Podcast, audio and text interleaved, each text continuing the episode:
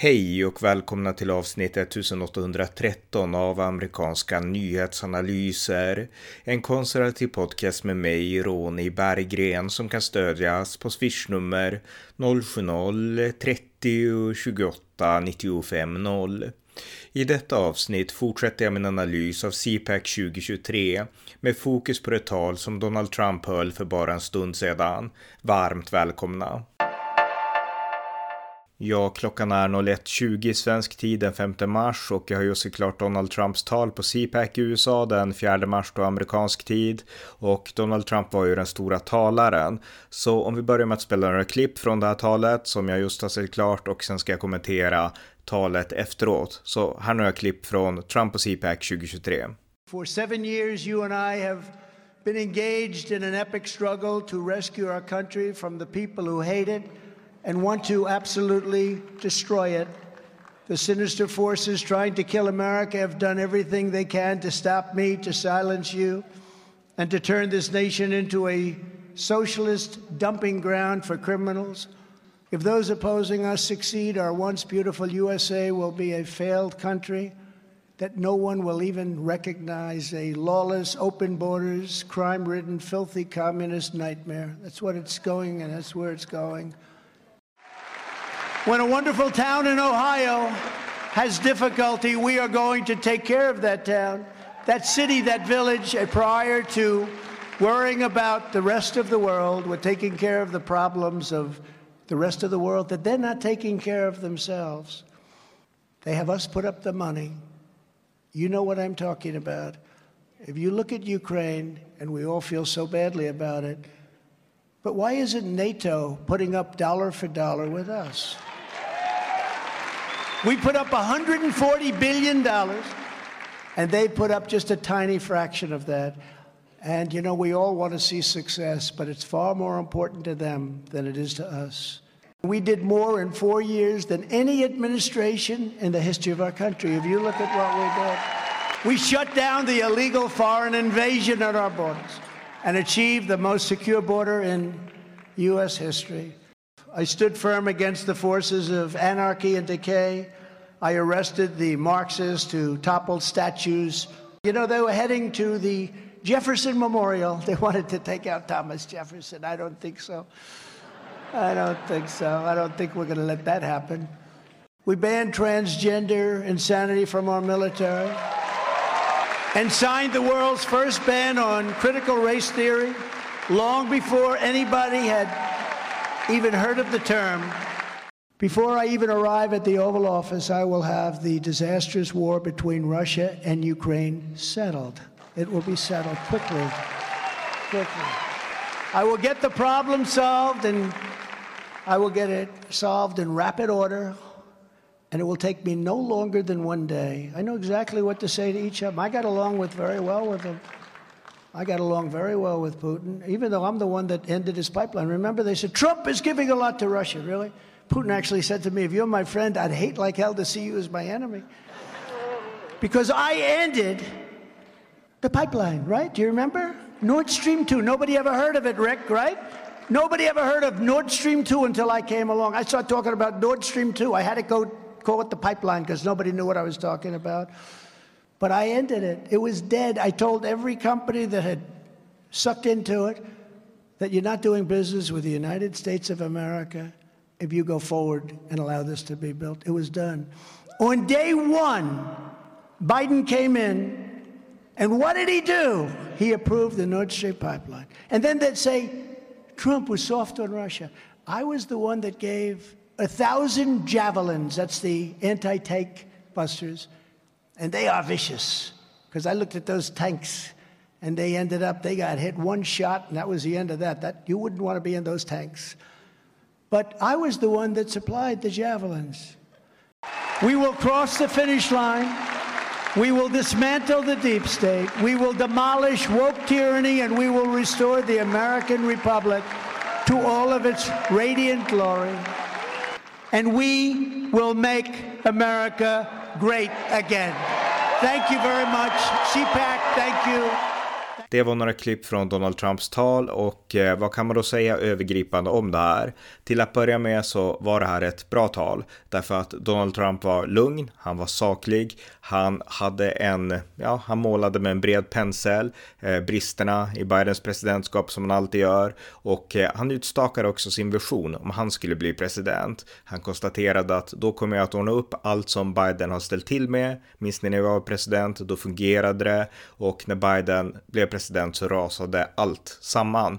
Allt från Afghanistan till stabiliteten i Europa till eh, den säkra gränsen som jag hade byggt upp mot Mexiko och eh, allt kaos som var på gatorna. Det har Biden bara låtit fortsätta. Laglösheten på västkusten och i Washington DC och så vidare. Och eh, när jag var president minns han då upphörde Antifa med att välta statyer. Jag sa att om ni gör det så får ni tio års fängelse och de slutade. Och jag personligen och gillade speciellt när han tog Thomas Jefferson i försvar. Det tyckte jag var fantastiskt att höra Trump säga. Så att eh, det här var ett bra tal och Trump snurrade inte iväg för mycket på det här med valfuskteorierna som han framför.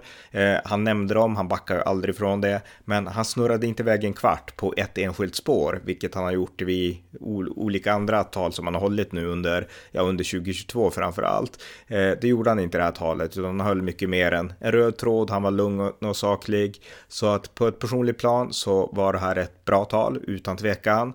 Eh, kritiskt kan sägas då, det var att han som förväntat var väldigt hyperbolisk. Han framställde ju sina tal allting som att eh, världen skulle kretsa kring honom och om bara han hade varit president så skulle A och B och C inte ha skett. Talibanerna skulle inte ha liksom tagit över Afghanistan Eh, och inte på det sätt de gjorde åtminstone. Ryssland skulle aldrig ha vågat gå in i Ukraina och eh, han driver de här eh, liksom eh, tankarna på, ett väldigt, på en väldigt hög nivå. Och i viss mån så är det sant. Alltså några saker som är 100% säkert. Det är att om Trump hade förblivit president så skulle gränsen mot Mexiko inte ha öppnats. Biden gjorde ju det som en, ett uppror, ett trots mot Trumps politik egentligen helt makalöst korkat av Biden. Så att gränsen mot Mexiko skulle ha varit säker. fetanylkrisen skulle inte ha blivit av om Trump hade varit förblivit president. Det är jag rätt säker på. Eh, laglösheten på gatorna som fortfarande kan skönjas på västkusten. Den skulle Trump ha styrt upp så att mycket skulle ha blivit bättre. Energipolitiken skulle ha varit bättre. Ingen snack om den saken om Trump hade förblivit president. Men när det kommer till världspolitiken så är det så här att han överskattar sin egen roll. Putin har haft sina planer långt innan Trump var inne på scenen och eh, Putin har tänkt på Ukraina i 20 års tid, fantiserat om Ukraina och det är inte alls säkert att Trump skulle ha kunnat förhindra det faktiskt. Putin drivs av sina egna faktorer och sitt eget schema. Likadant med Xi Jinping i Kina och det beror inte primärt på partipolitiken i USA, inte ens i utrikespolitiskt avseende. Lite mer med talibanerna kan det bero på det, men inte i förhållande till stormakterna, vare sig Kina eller Ryssland. De drivs av sina egna faktorer och eh, Trump hade återigen här, som jag sagt förut, alltså han, han förklarade mest att om jag hade varit president då skulle det inte ha blivit krig. Men han förklarade inte vad han skulle göra om han blev president. Han konstaterade att jag kan ringa ett samtal för jag känner både Zelensky och Putin och få stopp på kriget på 24 timmar. Jag är inte säker på det, men eh, skulle han bli president så får han ju en chans i alla fall att, att göra det såklart. Men jag har svårt att tro det. Eh, sen så tycker jag också att eh, eh för att komma till det som är det absolut stora plusset i det här talet. Alltså Trumps tal gick hem hos publiken, bara för att göra det väldigt enkelt. Han eh, kommer utan tvekan att vinna eh, CPACs straw poll som eh, vi får veta resultatet om i kanske om några timmar då imorgon, på morgonen svensk tid kanske. Och eh, han verkar också ha fått, eh, jag tror att han kommer att få ett uppsving av det här Donald Trump, jag är rätt säker på det. Därför att det här var ett bra tal, det här var ett riktigt kampanjtal. När Trump pålyste sin tur igen, nu i november i höstas, direkt efter mellanårsvalen, då hade eh, republikanerna dippat, man lade skulder på Donald Trump, det tal han höll var inte speciellt intressant, det var inte många som lyssnade, ingen brydde sig om honom. Och många inom partiet började vända honom ryggen på grund av midtermsförlusterna. Och många andra kandidater började vädra morgonluft, Kerry Lake, inte minst då som nu har pålyst kandidatur och Trump började bli en eftertanke. Men med det här talet så tror jag att Trump kommer att få tillbaks sin mojo. Så pass bra var talet skulle jag säga. Och då menar jag inte liksom det sakliga innehållet. Trump sa ju egentligen, alltså han är en skiva på repeat. Han säger samma saker ungefär i alla sina tal. Och beroende på hur långt talet är så hinner han lägga in si och så mycket av det ena och det andra. Och det här var ju ett väldigt långt tal, men han sa trots längden på talet nästan ingenting man inte hört honom säga förut. Så att på så vis var det inte så mycket nytt. Men han framförde det som sagt bra. Och eh, det är ju de här miljöerna som han verkligen strålar, Donald Trump. Han älskar att prata till en publik som älskar honom, till en stor publik. Han gillar inte de här små talen och han är inte liksom, eh, han är ju ingen retail politik, politiker riktigt. Eh, han var väldigt dålig på det i presidentkampanjen 2016 framför allt. Han, var, han höll sina rallyn så gick han därifrån. Han var inte den som stod och skakade hand och små minglade och sådär som många presidentkandidater gör. Utan Trump trivs på de stora arenorna och det märktes i det här talet ikväll. Och det här var Trumps bästa tal sen han pålyste sin kandidatur i november och det var inte alls speciellt märkvärdigt ens. Så att under hans nya presidentkandidatur, sen han blev formell president, så är det här hans bästa tal. Det är inget snack om den saken. Det har gått hem hos publiken, de köper allt Trump säger och jag delar inte allt som liksom det narrativ Trump försöker teckna då att allt var bra när jag var president, jag gjorde allt bra, jag krossade Isis eh, och jag gjorde A, B och C jättebra och allt som har gått snett nu under Biden, det hade inte gått snett om jag blivit president, men om jag blir president igen så kommer jag fixa det ungefär. Alltså han gör det mycket enklare än det är eh, och eh, det finns saker att liksom punktera i hans narrativ och hans berättelse.